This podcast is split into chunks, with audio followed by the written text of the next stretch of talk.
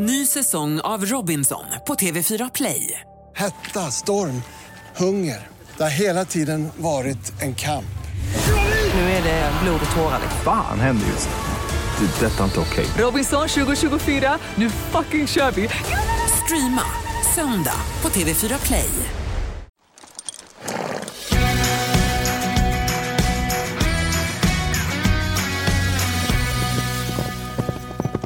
Då är det dags för ett helt nytt avsnitt av Ridklubben med Gry. Och Rebecka. idag, vem är det vi ska få träffa idag? Eller vem ska våra lyssnare få höra när vi träffade idag? Om man säger så. Exakt. I somras ju, under Global Champions Tour på Stadion eh, så haffade vi ju Filip Ågren. Just det, som du tycker rider så jäkla bra. Alltså jag är så imponerad av honom. Jag såg honom på Sundbyholm ett par veckor när jag var där och jobbade och han tävlade jättemycket hästar. Och jag tycker att han rider så himla bra. Och alla hästar, inte bara att han liksom rider fint, utan alla hästarna såg så liksom lösgjorda ut. De såg verkligen som att de var ett team, han och alla de här olika hästarna han tävlade. Han fick dem med sig och de hoppade... Nu är det något som stör lite här. Jaha. Det kan i och för sig vara min telefon också. Nej, men alla hästarna såg så himla liksom lösgjorda och fina ut och välmående och han eh, liksom lotsade dem runt de här banorna på ett trevligt sätt. Det Gud, tycker jag ja, men jätteroligt. Så jag är imponerad av honom och jag tror ju att han kommer bli bäst i världen en vacker dag. Och honom passade vi på att dra med oss när vi då var på Stadion i somras. Ni ska få höra hur det lät om en liten stund. Ja. Eh, och just nu sitter vi i sadelkammaren och har precis packat upp, vi har inte hunnit prova ännu, vi har precis packat upp eh, Jackson som vi har samarbete med, deras nya Mary Kappa med den nya höstfärgen som bara går att beställa på deras hemsida. Den Ja. gröna. Man älskar grönt på hösten. Alltså, och nu är det så verkligen. vacker höst så att det inte är klokt. Nej. Så jag har inte hunnit prova den ännu för den är helt nyuppackad. Ja. Men jag ser fram emot att få gå ut ibland höstlöven i den där gröna kappan. Och Så det härligt. är ju härligt med en liten... Om det är lite minus här på morgonen så är det Mm. ganska härligt att ha en liten tjockjacka på sig nu på morgonen. För jag tror ju också att man ska ju svettas in hösten. Men så att man inte fortsätter med sommarkläderna nu. Nej. För då blir inte hösten härlig. Ja, Jag kör varma kläder. Ja, men jag med. Och hellre då klä av sig. Så att, så att som inte börjar frysa nu, för då känns vintern så lång.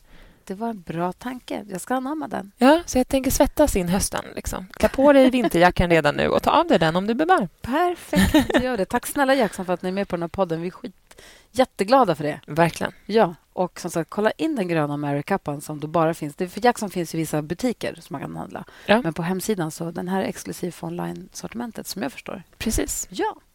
Eh, apropå inspiration och se hästar som går fint Ja. och som verkar trivas och bli team med sin ryttare. Du satt ju som klistrad, tyvärr inte på plats, men som klistrad vid iPaden och kollade på Breeders. Precis. Vad fick du med dig från att se henne från Akamariда där? Men alltså det var så bra. Det var också så inspirerande. Jag kunde liksom inte sluta titta. Nej. Det pågick ju flera timmar. Så har man möjlighet nu i efterhand, så gå in och titta Ja. på Ecosport TV. Eh, för det var, nej men det var jätteintressant och jag hade faktiskt inte... Alltså jag tycker att Henrik är toppen. Alltså han rider ju jättebra. Mm. Men jag ser inte honom som en så jättepedagogisk person. För han är ju inte så frispråkig. Alltså Ja, han är ju alltså, ganska lite kanske. Exakt, och lite laid back och så här, delar inte med sig av så jättemycket. Men det har också varit lite hans grej ju, att göra sin grej. Mm. Eh, Så jag hade inte heller så höga förväntningar om det här, eller när han skulle vara testryttare. Men han var så bra. Han berättade mycket vad han kände. För, man, för Han berättade ju också att så här, han bara, jag känn, kan ju känna en sak och ni kan se en helt annan sak. Det var en häst som hoppade så här spektakulärt. Wow, den öppnade upp jättemycket bak. Liksom. Men han hade inte alls den känslan när han red. Den kändes inte alls lika bra i hopptekniken när han satt på som vi kanske såg. Och Det var han också så här bra. Han bara, jag känner att den hoppar spektakulärt bak och det är säkert det ni ser. Han bara, men jag känner inte att den har... För han skulle ju bedöma hoppteknik Mm. och ridbarhet. Eh, och han bara, den har bra hoppteknik men den, kommer ju, den är för mycket bak och för lite fram. Det Mm. behöver ju vara en vågskål. Liksom. Mm. Så han var så himla pedagogisk och bra och berättade så här, okej, nu känns den här hästen så. Jag vill hjälpa den på det här sättet och då kommer jag göra så här. Och så gjorde han så. Och sen så bara, wow, vart den liksom som han hade, som han ville. Och du blev inspirerad och drog raka vägen till en pay and jump med Bravina. Japp. alltså jag rider så bra också så jag tittade på det här. Och det är det som är så himla bra. Jag vet. För jag jag tror, med Nickis hopp, eller din hopptränare också. Pratade Ja. om det här, vikten av att titta på ryttare som är duktigare än en själv och hitta någon att ta inspiration av och se på vad är det de faktiskt gör för någonting. Exakt. Också så nyttigt att han red så mycket olika hästar och hur han tänkte och hur han var så still och hur hans hand var så himla perfekt hela tiden. Eh, men också tror jag att här, den här inspirationen var också så bra för mig i tiden. Är du med? Jag tror att det var perfekt för mig att se det just nu, för jag var mottaglig. Och det är lite, Jag behöver lite inspiration och lite vad jag ska jobba med. Eh, så jag tror det är viktigt det också, att man får rätt inspiration vid rätt tillfälle. Liksom. Och Bravina skötte sig bra. Men jättebra. Var roligt. Hon var så... Nej, men jätte, det var ju första gången. Man är alltid lite nervös. Det började också med en lös häst. Oj. Och då var hon ju lite så här prillig såklart, men det var ju alla hästar där runt omkring. Liksom. Men hon är ju bara fem. fem år. Exakt. Precis. Då får man ju bli prillig när det blir lösa hästar. Ja, gud ja. Alltså salsa eller de gamla hästarna hade ju också Ja. blivit. Det är ju obehagligt när det galopperar förbi Ja. en lös häst. Liksom.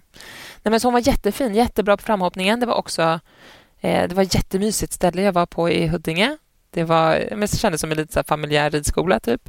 Eh, så framhoppningen var ju så här ganska liten och lite rörig och de hade ju KM samtidigt så det kom ju någon liten B-ponny och racea om mig på insidan. Och du vet, så. Men det var också, jag försöker, mitt nya mål är också att jag ska sluta, jag ska inte skylla på saker. Mm. Jag ska inte, nej men jag ska liksom sluta tänk om att, eller om det inte hade varit så, eller nu vart det, jag ska inte göra så. Nej. För det blir man inte bättre av. Jag ska inte liksom leta efter saker som är fel eller som det hade kunnat bli bättre om ifall att det inte var så. Liksom.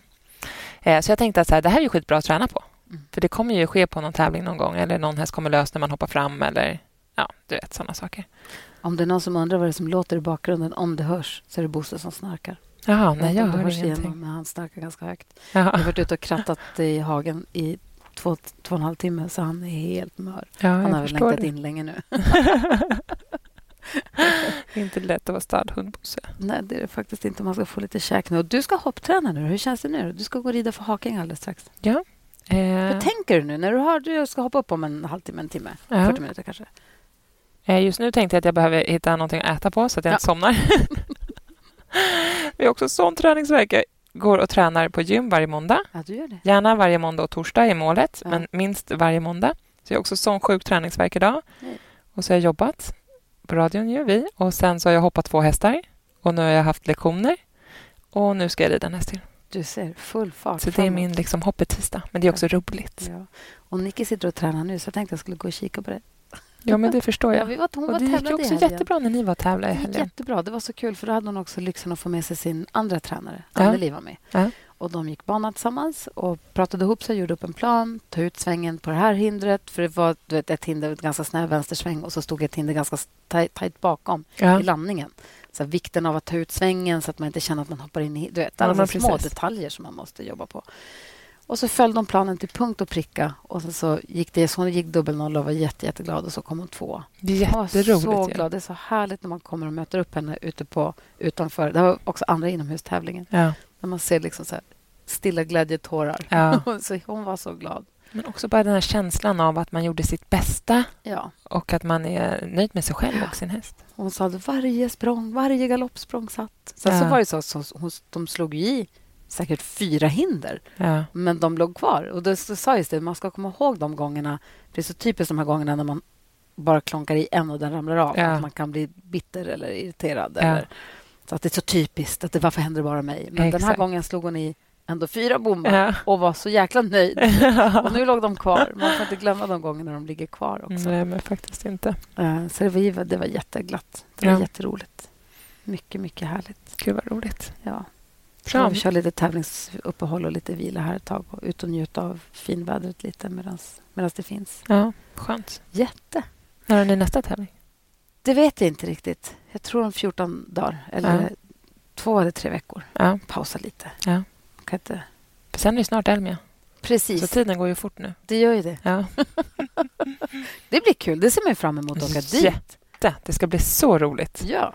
Jag är superpepp. Jag också. satt och kollade på programmet. Jag har också kollat programmet för Friends. Jag har kollat programmet för eh, Göteborg redan.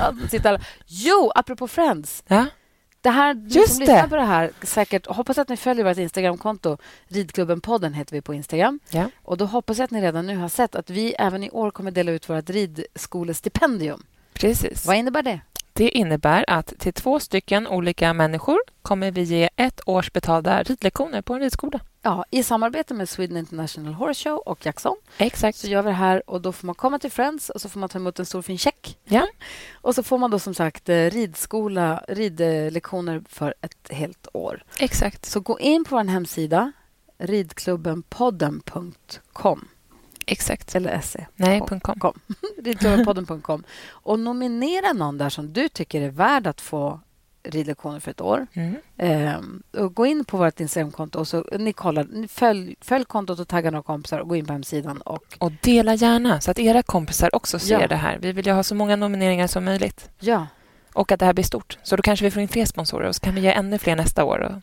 Verkligen. vi vill ha ringar på vattnet. Det är som du också, som vi brukar säga, det är så mycket fokus förstås på de här elitryttarna som är så otroligt duktiga och otroliga inspirationskällor Ja. och som man vill lära av och suga liksom all lärdom från. ja. Men också att man, man vill här, sätta ljuset lite på det som är det viktigaste och det är ju faktiskt ridskolan. Det är Ja. där nästan alla börjar och det är där majoriteten är. Och vi vill ju att alla som vill rida ska få rida. Exakt. Så det tycker vi är jättekul att vi får möjlighet att göra det här i år igen. Så gå in och kolla där.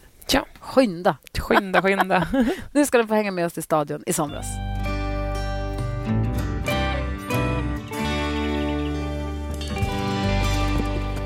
Då har vi slagit oss ner här med en gäst som Rebecka varit alldeles till sig i trasan över att vi ska träffa. Hej Filip Ågren, hur mår du?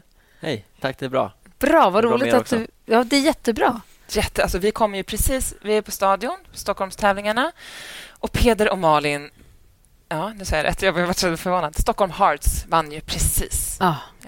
Hur är du när du kollar på... Kollade du? Absolut. Och hur Eh, blir du som läktarryttare? Ja, men jag, jag var ganska, ganska avslappnad. Jag trodde ganska, ganska hårt på dem. Ännu värre känner jag Så då. jag, ja, men jag, jag trodde verkligen att de skulle ta hem det. Jag är så duktig när jag rider på läktaren. Jo, Alltså jag är ju. jätteduktig ryttare då. jag sitter på sidan av. Ja, hur är du när du läktarrider? Eh, nej, men jag är också väldigt bra. Ja. Jätteduktig. Du är för sig duktig när du rider annars också, men... Kul, så roligt att du vill träffa oss. Det är jätteroligt att få vara med. Och nu, du bor, du bor och jobbar på Stutteri Art. Precis. Och hur började din ryttarkarriär? Är du uppvuxen i en hästfamilj eller? Ja, det är jag. Ja. Eh, mina föräldrar har eh, ridit båda två. Eh, mamma hela livet och pappa började rida när han träffade mamma. Eh, typ i 20-årsåldern. Bra gäng. Och, så mamma red dressyr och pappa red hoppning. Och hur... Och Rebecka då, som har en son, hur gammal är Oliver? Han är sex. Hur ska hon göra för att få honom att börja vilja vara i stallet? Ja, ehm, Jag försöker köpa glass. Ja, det är väl bra. ja, men jag, jag tror att eh, det, det mina föräldrar gjorde lite grann när jag var yngre, det var att försöka eh, hitta sammanhang där det inte bara var massa tjejer, utan att man, att man eh, jag vet att, att mamma och några andra eh, mammor där drog ihop ett gäng som, eh, så det var ett, ett, en grupp med killar som red tillsammans. Så det inte bara blev att, att det var en kille och resten tjejer, utan att, att man fick lite gemenskap med andra killar i stallet. Och det tror jag var en sån här, i efterhand en bra grej. Ehm, För det är ju inte tyvärr jättemycket killar i stallet. Nej, det är Jag- inte Vi det. har typ två killar i stallet bara. Ja, det var några till förut, men nu är de inte lika många. Nej, exakt. Så det är också svårt att skapa det Mm. tillfället då, Mm, om man såklart. inte har det. Liksom. Mm. Men hur har, har ni bott på en egen gård eller har ni varit uppstallade i ridskola? Eller hur? Nej, men jag, jag började rida på ridskola, Ja. eh, men vi hade, eller mamma och pappa bor på en, en eh, gård utanför Karlstad. Så jag har ju haft häst hemma, men i början av, av karriären då så red jag på ridskola. För den, mest för den sociala biten. Men för hur gammal är du? Jag är 25.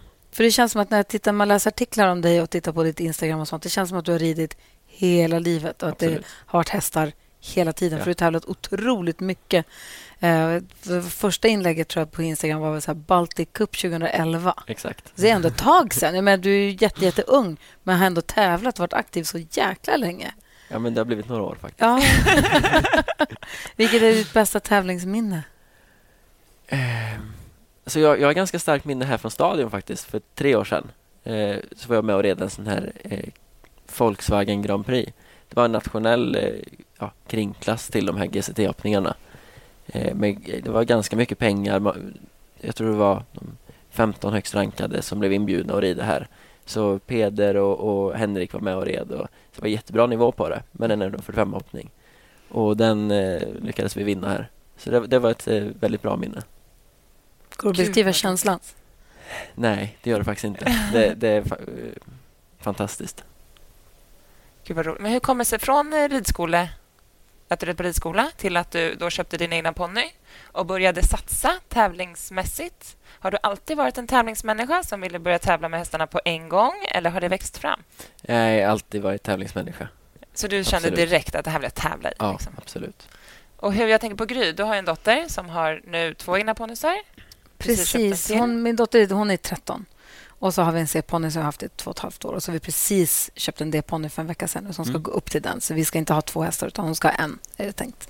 Men vi ska bara växla. Det är svårt att sälja sin första ponny, liksom sin första stora kärlek. Ju. Det är absolut. svårt att sälja, men det måste bli så under hösten. Och så var det lite nu att ni hittade en jättebra D-ponny. Precis. Och Mm. precis, då så tajmingen och så, Exakt. så att så är det.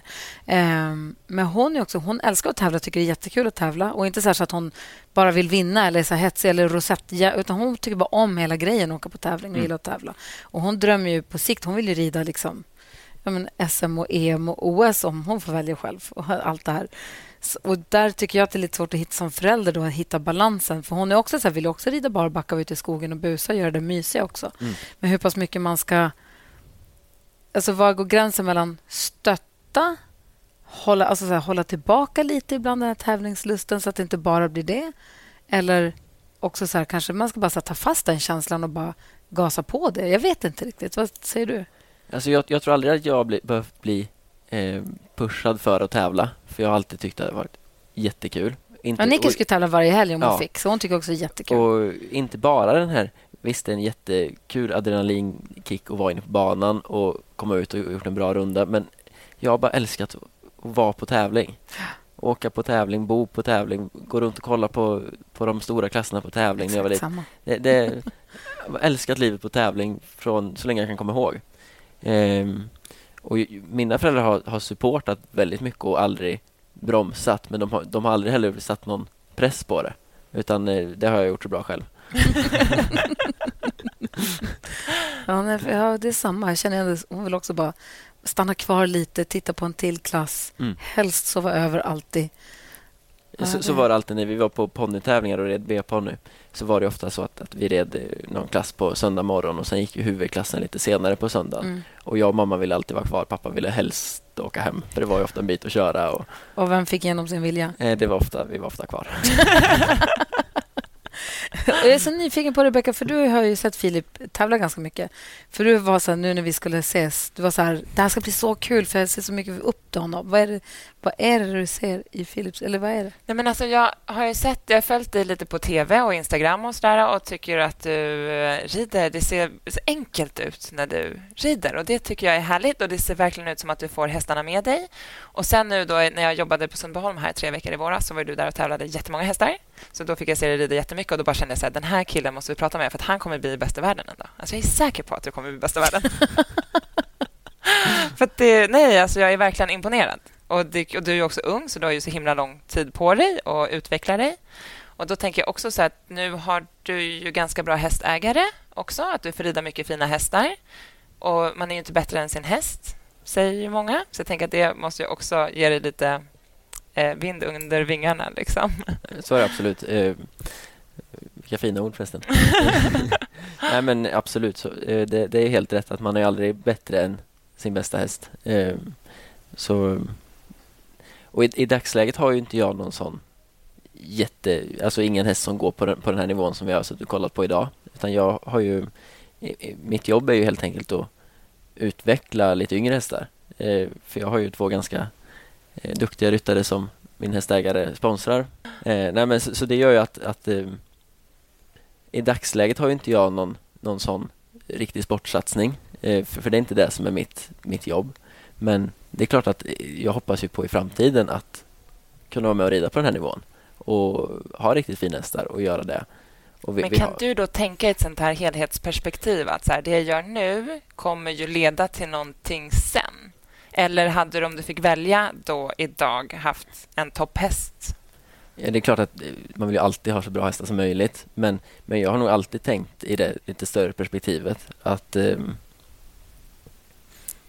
Eh, ja, men jag har jobbat på Arch nu i snart fyra år och jag har utvecklats jättemycket som ryttare. Eh, så om läget skulle dyka upp nu eh, så småningom i framtiden så är jag väldigt mycket bättre rustad för det och kunna ta det steget idag mot vad jag var för fyra år sedan. För hur ser ditt upplägg ut idag? Eh, ja, men jag jobbar ju på gården helt enkelt Mm. i, i Båstad. Eh, och Du där bor har vi... på gården också, eller? Ja, det är, det är två gårdar där. En större gård och en liten gård. På den lilla gården bor jag. Och, eh, ja, men, och där, där har vi lite uppfödning. Vi köper in lite lovande unghästar. Och jag börjar helt enkelt utbilda dem fram tills de är 7-8 år. Och är de bra nog då så tar de steget vidare till Malin eller Peder. Och hur kommer de att prova hästarna? Eller har du en känsla, typ det här är en Malin-häst eller det här är en Peder-häst? Eller brukar du tävla med dig själv och se? Eh, nej, men det är lite olika. Ja. Det är framförallt Charlotte som är Charlotte som har kontakt med, med de två och gör en plan för det. För varje häst. Och vad är upplägget på gården? Är det att du ska tävla hästarna och att de säljs sen alltid? Eller är det... Det är också lite olika. Ja. Eh, vi har några hästar som, som eh, ska säljas och som säljs och sen har vi några som eh, blir kvar lite längre. Och då är alltid planen att de ska till Malin och Peder? Eller kan de också vara kvar för att vara kvar? Liksom? Ja, men I dagsläget har vi en, en jättefin häst som heter Breakpoint. Som, eh, han är lite speciell. Han har lite humör, lite egen vilja. Han, han är oftast snäll. Och den tänker ni då att ni ska ge en chans ändå? Eller? Ja, men det är en häst med jättemycket potential. Ja. Men eh, man vet ju aldrig med en häst som, eh, som kan vara lite eh, Kreativ. kreativ, är ett, ett jättebra ord. Eh, men men han, är, han är tio år, så han har ju liksom fortfarande väldigt många år framför sig. Mm. Och blir det bra så skulle det kunna bli väldigt bra med en sån häst. Ja, det är Men- lite knäcka koden med honom. Ja, Man jag har inte det. riktigt knäckt den Jag än, är in, kanske. jag, vi är inte där riktigt Nej, än. jag. Men kommer vi dit så kan det bli väldigt bra. Ja, jag fattar. För det finns, han, han har jättemycket kvalitet. Ja, Så det, det är ju en sån häst som är väldigt spännande att jobba med. ja. Och den rider bara du? Den, den rider jag. Ja. Och sen fick ju du ta över, jag vet inte om man säger ta över, men eh, när Malin red ju den här Q-Canna och så gick det inte jättebra ju. Så Malin skulle inte fortsätta rida henne och då fick du ta över tyglarna på henne. Ja, eh, till att börja med så Malin hade den ju under, den köptes ju till OS i Rio Exakt. och då gick det ju väldigt bra. Mm. Det går inte att säga annat än att Nej. det var lyckat så. Eh, sen av någon anledning så åkte hon ju till Philip Hertz och gick med Olivier. Ja. Eh, sen så skulle hon tillbaka till Malin en sväng och då funkade det inte riktigt som de hade hoppats på. Och så är det ju med hästar också. Precis, alltså, det- man passar inte med alla hästar och kan, så eh, måste det få vara också. Ja. Eh, och då så fick jag chansen att rida henne. Med, tanken då var ju att, att eh, hon gick ju hela tiden på den absolut högsta nivån internationellt. Mm. Och hos oss kunde hon ju gå på en hög svensk nivå och fylla en väldigt stor funktion för oss i vårt stall utan att behöva vara på den absoluta toppnivån. För det är ju ändå en, en viss skillnad på svensk nivå och internationell toppnivå. Så jag red henne i ja, nästan två år. Och hur var det att ta över tyglarna då när det är två ändå proffs som precis har ridit på den? Till att börja med var det ganska nervöst. För Ja. jag, jag vet inte om det var så eller inte, men jag upplevde att det var väldigt många som kollade hela tiden. Mm. När det var en så lite kändishäst eller vad man ska Mm. kalla det för. Som hade gjort så mycket och gått massa mästerskap. Och, eh, men det var ju en, det är en fantastisk häst. Jag tror, jag tror aldrig jag haft att göra med en snällare häst, en trevligare häst och liksom stå och borsta på eller rida ut på. Eller, så himla snäll och trevlig. Eh, och fantastisk att ha på, på tävling och inne på banan. Och är verkligen en häst som ligger, ligger mig varmt om hjärtat. Är det din stora kär- häst? Eh, om du ska ha en så här hästcrush, är det den då? Nej, det, det är det faktiskt inte. Jag tror den kommer ligger nog på en andra plats där. Och vilken är ettan då? Eh, mina föräldrar födde upp en häst som heter Cardina som jag red i tio år.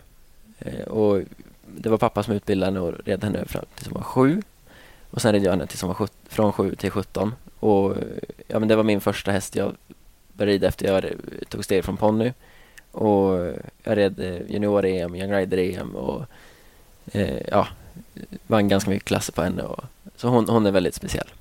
Vad härligt. Det förstår jag. Men jag, så här, alltså alla elitryttare har väl i och för sig lagt alla sina unga år i stallet och på tävlingar och sånt. Men jag tänker, du, det känns som att du har tävlat och tränat hela ditt liv. Det, det absolut. Alltså, har du hunnit med någonting annat? Ehm, inte jättemycket. Det har varit mycket fokus på, på hästar och ridning. Det har det. Så härligt. Men när alla kompisar då gjorde saker när ni var unga, då var du inte med? Så var jag hemma och red. Då var du hemma och red. Ja. Jag provade ju faktiskt att sluta rida en sommar. Ja. Två veckor har jag provat att sluta rida. Och nu rider inte jag på din nivå. Men ändå, man är ju så här van att vara i stallet varje dag. Mm. Och Man jobbar med kroppen och man rider och Mm. sådär. Och jag kommer ihåg, du vet, när man frågade... Två dagar var det rätt skönt och inte ha ett måste. Men sen, jag bara, men gud, det här går. De åkte hem och tittade på serier och typ chillade. Mm. Det, jag tror att det är en livsstil. Har du slutat någon hästar gång? är så mycket som en Nej, livsstil. aldrig. Du har aldrig heller känt att så här, Nej. vad håller jag på med? Vad är det du vill se i en häst för att du ska fastna för den? Eller se eller känna i en häst? när du... Ehm, om, om jag provar en häst så vill jag att det ska kännas ganska enkelt att hoppa ett ganska stort hinder. Det, det är liksom den absolut bästa känslan tycker jag. När, att, hästen har, att man kan känna att hästen har viljan att ta sig över hindret och att den har eh, kombinationen av viljan och förmågan att det inte är svårt för den. Mm. Sen om, om tekniken inte är helt perfekt eller det, det, om, de, om de vill så brukar de liksom kunna klura ut det så småningom. Så det, det, känns ju som att man börjar komma ifrån lite mer och mer nu. Teknik. Alltså nu om man tittar på alla topphästar också. absolut. Så det är inte alla som hoppar... Peder har väl ett jättebra exempel i, i Catch Me Not där som har lite speciell teknik men är ju, har varit en topphäst i många år nu. Exakt. Så eh, det känns som att viljan ändå är det som... Vi träffade Jörgen Larsson också för ett tag sedan och Mm. då sa han också att det viktigaste när jag testar en häst är också att den vill. Mm. Den ska vilja komma över hindret och den ska vilja vara felfri. Mm. Det slår nästan allt annat.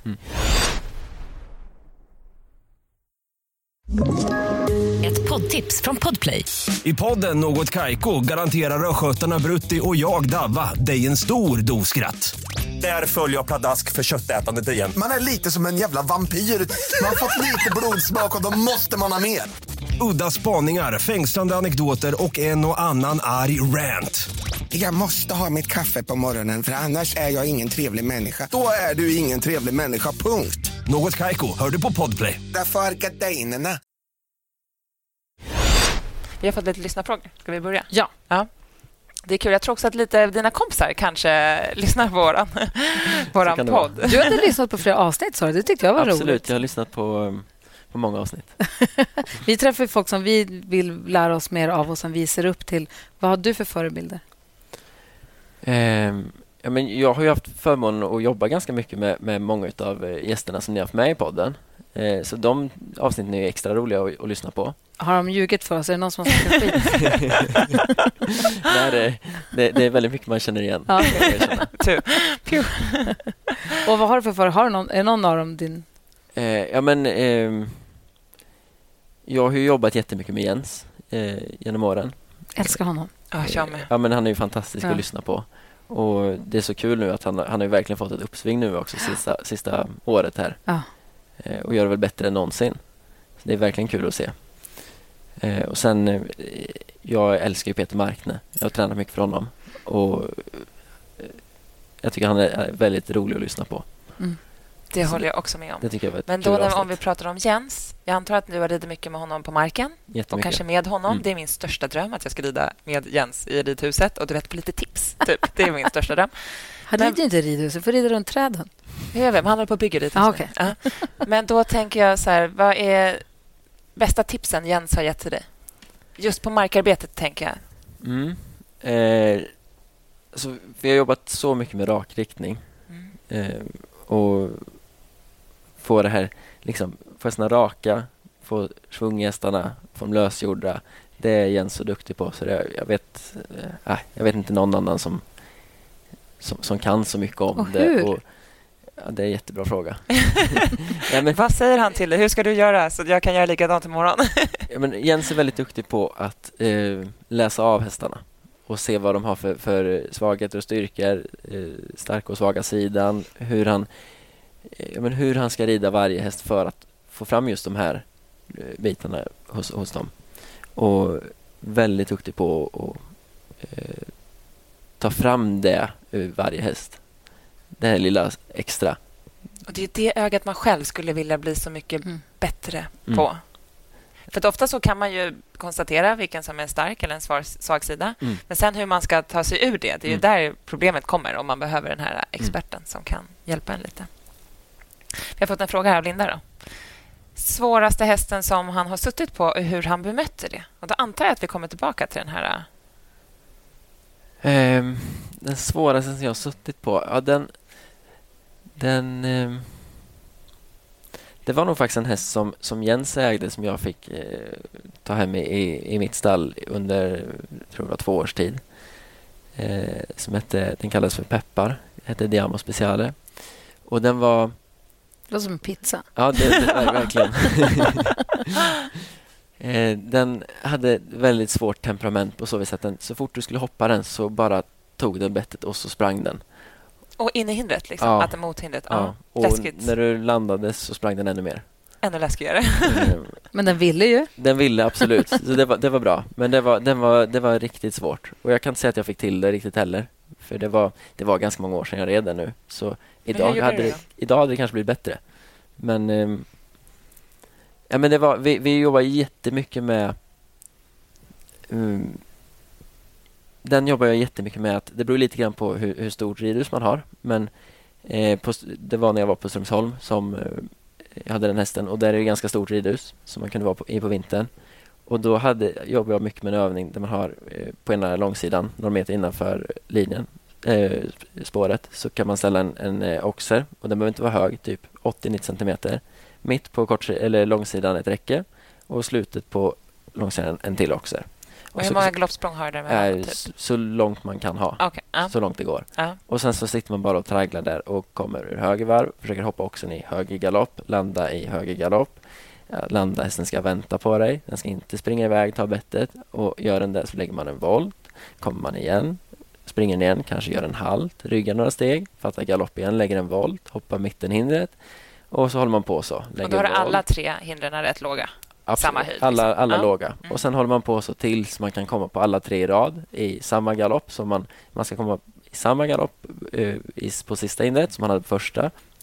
Eh, det ska inte gå snabbare, det ska inte gå långsammare, du ska inte behöva bromsa med händerna utan du ska bara kunna hoppa in, sitta upp, spänna magen, hästen ska vänta på dig. Och liksom, det tragglar vi jättemycket med. Jag ser framför mig nu, du vet hur man rider in, hur det känns, Mm. så som du berättar. Och det, det, var, det var svårt, men när man väl fick till det så, så blev det rätt så bra. Då fick man effekt på det när man hoppade bana sen också. Har man kortare ridhus kanske man kan göra två hinder. då. Precis, då kan man ha två hinder. Ja. Så det, det kan man absolut göra. Och Hanna hon undrar hur ser upplägget ut på Stuteri Arch? Hur många äldre hästar och eh, yngre hästar rider du? Och olika upplägg på de olika hästarna?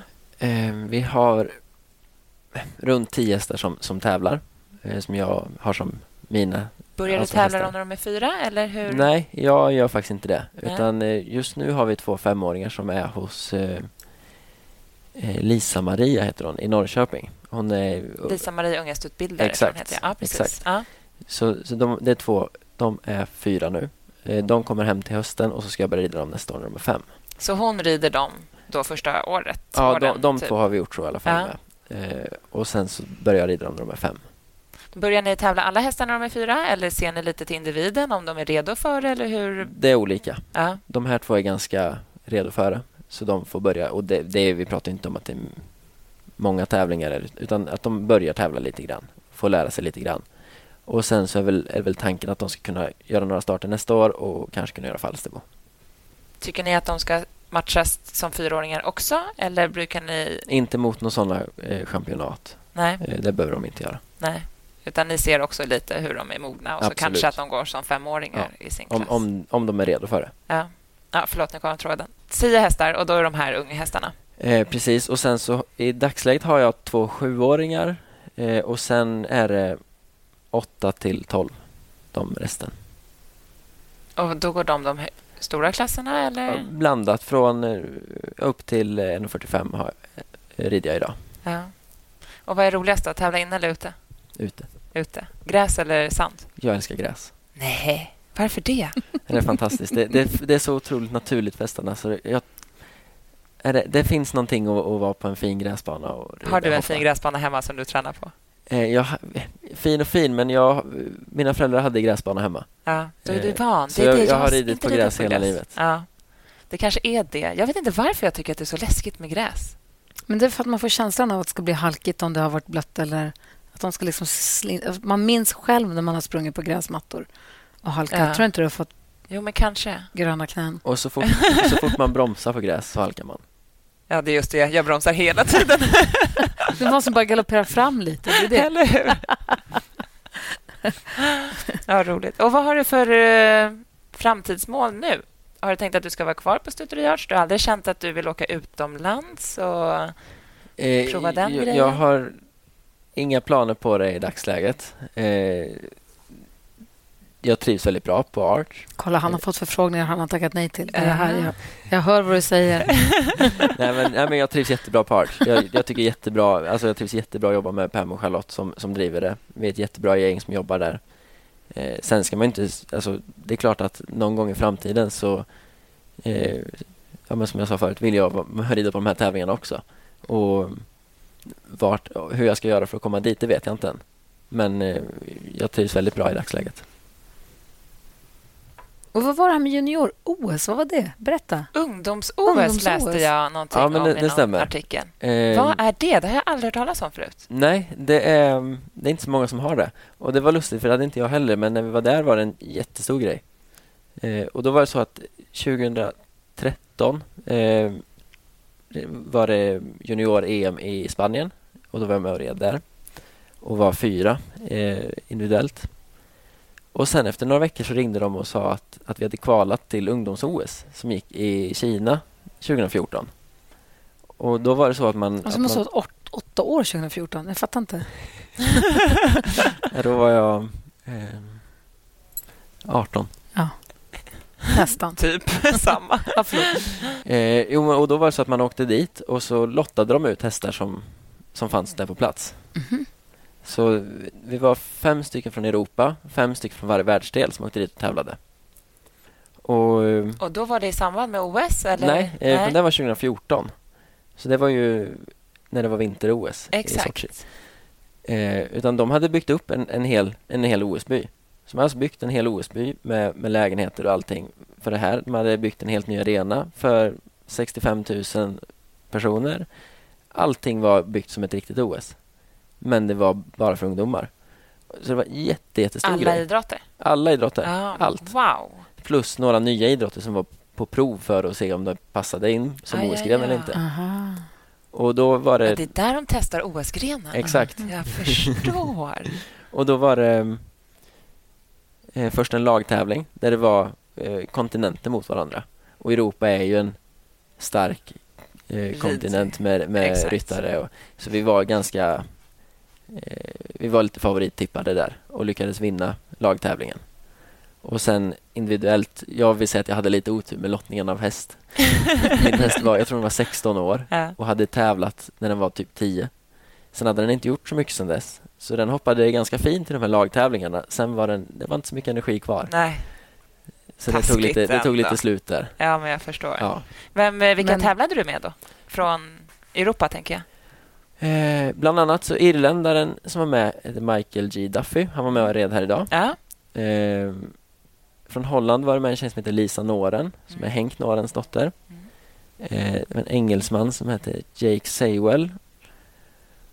Och en italienare som jag har helt glömt bort namnet Men, och, har ni följt varandra efter det här Ja, men, OSet? eller eh, hur?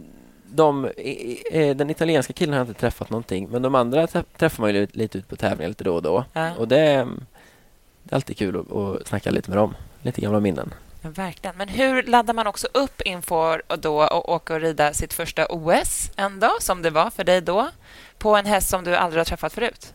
Det var jättesvårt. Det var, jag, jag kommer ihåg när man åkte dit att man hade liksom inte, man visste inte vad man skulle förvänta sig. För det var ju ingen som hade, ingen i Sverige som hade gjort det här förut. Nej. Så vi visste inte alls vad det var eh, att åka på. Så, så det var en positiv överraskning. Men eh, det, det stora var egentligen att kvala dit. För sen var det ganska, i och med att man fick låna hästar och det var, det var egentligen inte det. Det blir inte stora. riktigt ens egna. Nej, eh, det hade varit större om, ja. precis som man hade med sin egna häst Ja. och tävlade lite mer på riktigt, om man Ja. får säga så. Det blir mer som, mer som en kul grej. Det kanske låter förminskande, men Ja, men li, lite åt det hållet var det faktiskt. Att det, att det blev, de andra sporterna var ju eh, det blev ju mer riktiga resultat. De får ta med sin egna kanot. Ja, men exakt. Jag kommer ihåg att ha med egen sadel. Det var ungefär Ja. det som var. Åker bara med sadel, kommer på flyget. Vad ska du göra? Säg inte. Okej, men när du sitter upp på en ny häst då, som du gjorde här i OS, vad är det första du checkar av när du sitter upp och rider på en ny häst? Eh, ja, men när jag, när jag sitter upp på en nyhet så det första jag, känner av det är väl att hästen är framme för skänken. Att man kan, eh, ja, att man kan börja drava på den, att den, att den går fram. Man kan fatta galopp och att den tänker framåt. Att den Och inte, om man känner då att den inte riktigt gör det? Då får man jobba lite med det. Med Ja. lite tempoväxlingar, lite avbrott och lite se till helt enkelt att den blir lite uppmärksam på skänken Ja. eh, och, och sitsen. Och sen efter det, när, när den börjar gå fram, då kan man börja kolla bromsen lite grann. Och sen, sen jobbar man vidare med volter och lite skänkelvikningar och så vidare och känner att alla hjälperna funkar. Ja, intressant. För jag tänker också, vi har ju ridskola hemma och många ridskoleelever som lyssnar på oss. Och då är det oftast att man sitter upp på en ny häst kanske, eller någon som man satt på för jätte- jättelänge sedan, Mm. eh, som man då ska göra sitt ridpass på. Vi har ju också en ung häst, en femåring. Och då, eh, jag, red henne, jag opererade mitt knä i höstas, så red jag henne lite innan och då var hon väldigt grön. Och så en annan tjej som har tränat henne nu under vintern. Och det går bra. Hon hoppar liksom bana och den är fin. Den kan galoppera. Men du vet när man sitter upp första gången själv och rider och bara så här... Det går typ inte ens att, att galoppera. Och då, eh, men sen blir det ju bättre och bättre. Mm. Men då tänker man ju också... Man ska ju också egentligen... Man gör ju typ samma på unghästarna som man gör på de äldre hästarna Mm. när man sitter upp för första gången. Mm. Sen kan unghästarna vara lite känsligare än de Tycker du det är roligare att rida unga hästar än äldre? Eller det spelar ingen roll? Ehm, det är egentligen eh, två olika saker. Eh, unghästar är jätteroligt att jobba med för man kan ju se utveckling ganska snabbt. Men jag tycker egentligen det är roligare att jobba långsiktigt med lite äldre hästar. Ett poddtips från Podplay. I fallen jag aldrig glömmer djupdyker Hasse Aro i arbetet bakom några av Sveriges mest uppseendeväckande brottsutredningar. Går vi in med hemlig telefonavlyssning och, och då upplever vi att vi får en total förändring av hans beteende. Vad är det som händer nu? Vem är det som läcker? Och så säger han att jag är kriminell, jag har varit kriminell i hela mitt liv men att mörda ett barn, där går min gräns. Nya säsongen av Fallen jag aldrig glömmer på Podplay. Cornelia, då? Bästa, sämsta egenskapen? Eh, hos vem då? Hos dig, tror jag. Okej. Ehm, ja, det är en bra fråga. Vad är din bästa egenskap som ryttare, tror du? Eh, jag tror att jag är ganska lugn. Ja. Eh, om man kollar på, på tävlingsbanan så blir jag inte så stressad. Utan är ganska bra på att... Blir du aldrig nervös? Eh, Jag, jag är ganska, ganska bra på att hantera det. Ehm, Och hur hanterar du det?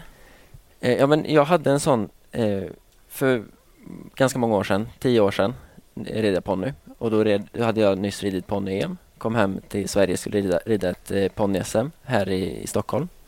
Eh, och gick ut sist i finalen, hade råd med tre nedslag och fortfarande var med i omhoppning om guldet. Så det var goda möjligheter. Och jag var så nervös så eh, jag tror jag kom till sexan innan vi stannade ut oss. För jag, jag, ingenting funkade. Och jag tyckte det var så jobbigt att sätta mig i lastbilen och åka hem efter det. Det var verkligen eh, lågvattenmärke. Och efter det så var det som att bara några veckor senare så red jag mitt första junior-SM. Och det var på något sätt nästan som att jag hade lärt mig att, att eh, vad hjälper att bli nervös? Är det inte bättre att försöka koncentrera sig på något annat? För det blir Så du bestämde bättre. bort nervositet ja, egentligen? och någonstans också kanske att det var det var det värsta som kunde hända. Och jag överlevde det med. Och kunde liksom, det kom en ny tävling. Så det blev någonstans att ett sätt att hantera det på att, att det, det även fast det värsta händer så kommer en ny tävling ganska snart igen. Och det som vi har sagt någon gång förut, det är ingen som bryr sig så mycket om hur man rider eller hur det går för en som man själv. Som sig själv. Man tror att Mm. andra står och bryr sig och Mm. pratar eller... Alltså, de det är ju gör ingen som kommer ihåg. Nej. Alltså, nästan, som du säger, det är en ny tävling, en ny tävling. De har Mm. ju lite glömt bort vad som hände förra Absolut. tävlingen. Liksom. Och det har ju gått dåligt för alla. Eller liksom, Ja. alla har vi vägrat ut oss någon Mm. gång. Ja, absolut. Vissa av oss fler än andra. Jag tror att det här är kanske en kompis. Eh, Cornelia hon undrar om man har grädde i köttfärssåsen. Är du bra på att laga mat eller är det Ingen, ingen mästerkock kanske. en hint till men, att... men just, just köttfärssås tycker jag själv att jag är ganska bra på. Ja, Ehm, och, min paradrätt är lasagne. ja. Ganska och likt. Jag tycker det är gott att ha lite matlagningsgrädde i. Ja. Men eh, Cornelia då, tycker ju inte det. Nej. Så det, det är en liten sån beef vi har. Jag har också gjort korvstroganoff på vatten en gång. Oj då. Det var exakt så grej.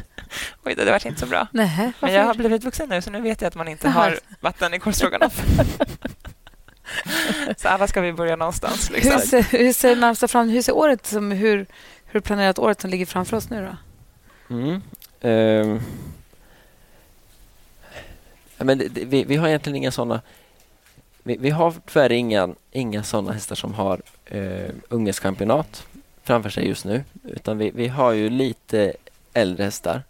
Vilket gör att vi, vi har inga sådana liksom, vi har inga hästar i Falsterbo tyvärr i år. Eh, utan eh, vi, vi håller oss på de lite vanliga tävlingarna och utvecklar de hästarna vi har. Eh, Så det är egentligen ett ganska tråkigt svar att, att det är inga sådana storslagna planer närmsta tiden.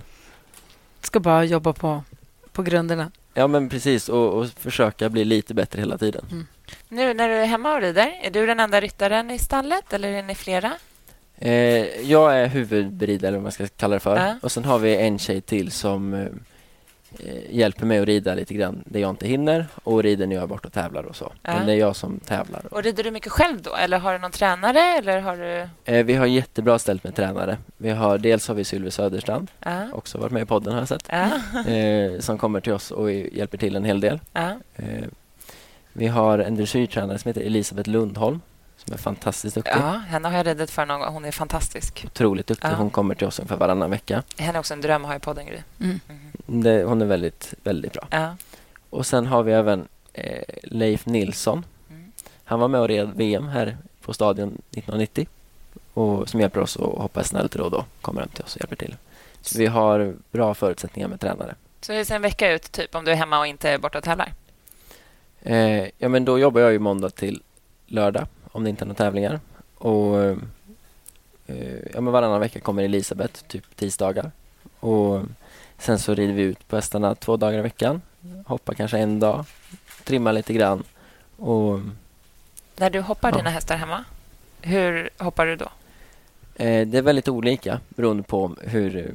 Just nu har vi, tävlar vi en hel del i och med att det är sommarsäsong och det, är- det är mycket tävlingar. Så då gör jag bara lite sådana små övningar. Ja, men till exempel den jag pratade om tidigare. Ja. Eh, hoppar nästan ingenting. Kanske hoppar något större hinder bara som avslutning för att allt ska känna att allt känns bra. Annars så hoppar jag väldigt lite höga hinder. Sen de lite yngre hästarna behöver jag hoppa lite mer. Så de kanske hoppar lite mer bana på hemma och lite mer eh, lite större hinder så men ingenting eh, konstigt och ingenting eh, nej, eh, bara för att hästarna och, och jag själv ska ha så bra känsla som möjligt när man åker på tävling. Mer bygga självförtroende Ja. och hitta ett flow Ja. än att utmana dem egentligen. Mm. Men bygger du upp hoppa mycket serier eller studs eller sådana saker eller är det mer bara enkelhinder? Eh, vinterhalvåret så försöker jag göra en hel del studsserier och, och, och sådana styrkeövningar. Ja. Men nu, nu är det mer teknikövningar man ska kalla för. Mer att, att de ska vara lydiga och vänta och att man ska kunna göra ja, att, att eh, kommunikationen ska funka så bra som möjligt. Ja. Intressant. För jag tror också att vi vanliga människor att vi tränar lite mer. Alltså vi hoppar lite mer bana och lite högre och att vi kanske alltid tränar på den nivån som vi faktiskt också tävlar på. Men det är också kanske för att vi behöver träna mer. Alltså att jag har ju en, två hästar kanske som jag rider medan du kanske rider jättemånga om dagen när du väl rider. Ja, och det är bara en sån sak som eh, jag menar en, en eh, ryttare som har en eller två hästar och åker, och tävlar. Då gör de en eller två starter om dagen. Åker på ett meeting, kanske tre starter på en helg. Medan vi åker med fem hästar och gör 15 starter på en helg. Ja. Så det är klart att man får ju en helt annan man får ju många språng i sadeln tack vare det och då behöver man ju kanske inte träna på det sättet själv utan då kan man ju verkligen fokusera på vad behöver hästarna göra idag Mm. och så blir det, det blir absolut tillräckligt för att man ska träna en hel del själv också. Ja. Tränar du någonting annat förutom att rida? Eh, jag räknas det som träning eller inte men jag spelar mycket paddel. Jag tycker det räknas som träna. Ja, det är Som att röra på sig i alla fall. Ja, Absolut. ja, jag har ju aldrig provat. Jag är den sista kvar. Jag har inte heller provat. Nej, då är det du och jag. Då. du och jag. Vi får köra hälsenorna bara. Eller hur? Nej, men jag är ute och springer en hel del också. Ja. Men ingen styrketräning eller sådär? Lite grann, men jag skulle behöva bli bättre på det. Men du har också aldrig haft ont i kroppen? Nej. Nej. Jag tror att det är där det kommer. Liksom. Han är 24. Jag hade ont i kroppen när jag var 24.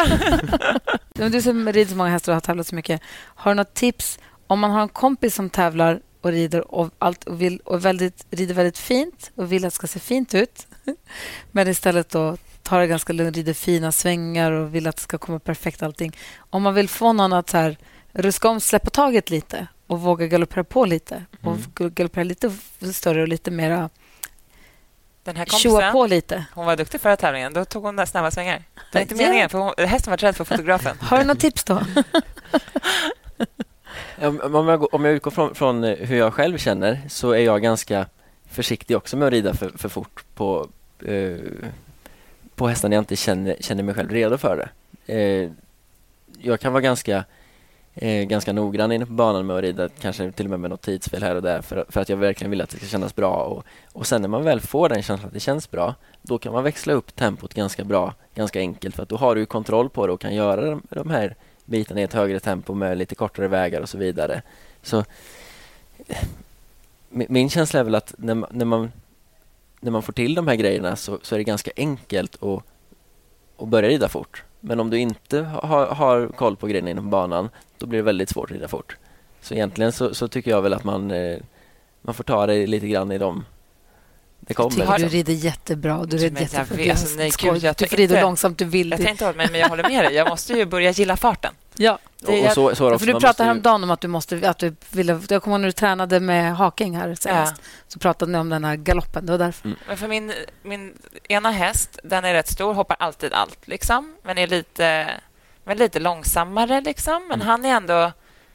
Jag vet att han alltid hoppar, så han vågar ju liksom rida på. Han är också så otroligt reglerbar. Så jag Mm. vet att behöver jag göra en halvhalt så händer det på en gång. Men nu har vi en annan häst som är lite mer spring i benen. Mm. Och där gör jag en halvhalt så händer ingenting. Hon fortsätter att springa. Liksom. Mm. Och där måste jag lära mig att gilla den här farten och våga rida i det. För annars är risken att jag bara tar bort och tar bort och tar bort och tar bort för att jag tycker Mm. att jag inte har kontroll. Egentligen. Och så, så är det också, det finns ju någon gräns när man tycker att eh, någonstans så kan det ju också vara så att det är bra nog man bara behöver eh, bli bekväm i farten som ni säger. Mm. Och då kan man ju ja, men helt enkelt träna lite omhoppning hemma för att man ska komma in i det. För det är ju det är någonting man väldigt sällan tränar på hemma. Det vet jag att Peder tränar mycket på för att bli ännu snabbare. För han var väl eh, eh, tvåare på OS i Rio och vill inte vara det igen. Nej. Så han tränar ju som tusan på att bli ännu snabbare. Och hur mycket vann han inte efter det? Jättemycket. Men om man, du som har 15 starter på en helg, säger vi, och jag som har tre. Om jag vill bli en bättre ryttare men bara har de hästarna som jag har, har du något tips på hur man kan bli en bättre ryttare utan att egentligen hoppa 15 starter? Eh, ja, men eh, till exempel så kan man alltid vara med och, och eh, gå banan till de eh, större klasserna om man inte är med och rider de största klasserna själv. Det lär man sig jättemycket på. Eh, om, man, om man kan hitta någon ryttare som rider lite senare i klassen, gå och fråga lite grann vad, hur den tänker med, med distanser och, och liksom vilka vägar den rider, hur de tänker på vissa hinder. Och sånt kan man lära sig jätte- jättemycket på så att man är man duktig på att läsa av en bana, hur man ska rida den, så behöver man ju inte eh, två eller tre chanser på sig hela tiden för att lyckas. Utan då kan man ju göra en bra plan eh, när man går in på banan till exempel. Och titta mycket, lyssna mycket på vad, på vad andra duktiga ryttare säger. Det tror jag man kan lära sig jättemycket på. När du går in och har distanser, för oftast är det distanser på en bana. Tänker, ibland så tänker jag så här att okej, kommer jag in nära på den här också, ändå rider jag på sex. Får jag bra flow, då tar jag på fem. Tänker du så någon gång? Ja, men ja, jag förstår absolut vad du, vad du, hur du menar. Eh, så kan det absolut vara. Och kanske inte så mycket egentligen hur jag just kom på det här hindret, utan kanske mer snarare om jag, om jag känner att hästen är framme, den är, den är liksom på G, känns bra. Då kan jag tänka att ja, men jag, jag rider fram på fem här. Men om jag, om jag känner att oh, det är lite halvsvajigt, det känns lite sådär, då kanske jag rider ett steg extra för att på Men då bestämmer sidan. du det innan. Det är inte så att du är så här i av spr- språnget på och sen känner nu blev det så här. Utan du bestämmer det sen innan då. Jag försöker ha bestämt det innan. Ja. Sen kan man alltid få använda plan B, men, men jag försöker ha bestämt mig innan. Ja, det känner jag att jag behöver bli bättre på. Distanser. Och Det är också svårt med distanser in och ute.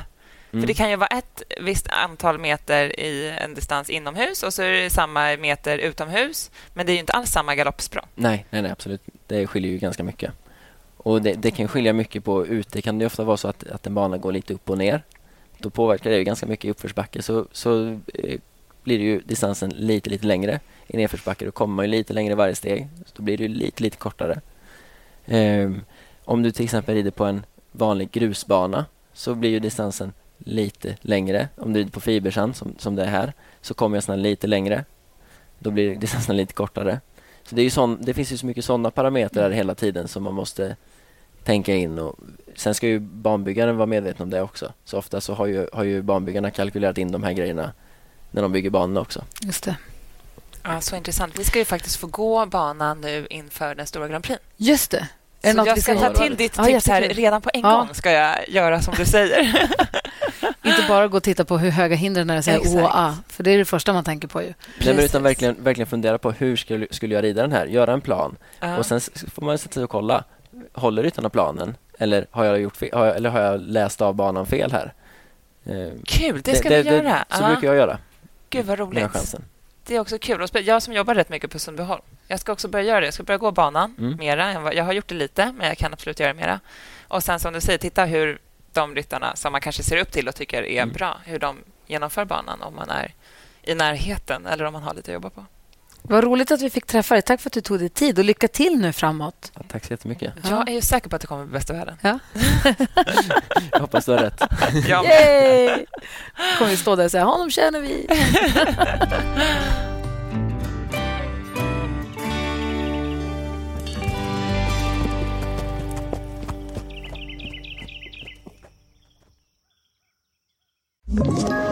Ett poddtips från Podplay. I podden Något Kaiko garanterar östgötarna Brutti och jag, Davva, dig en stor dos skratt.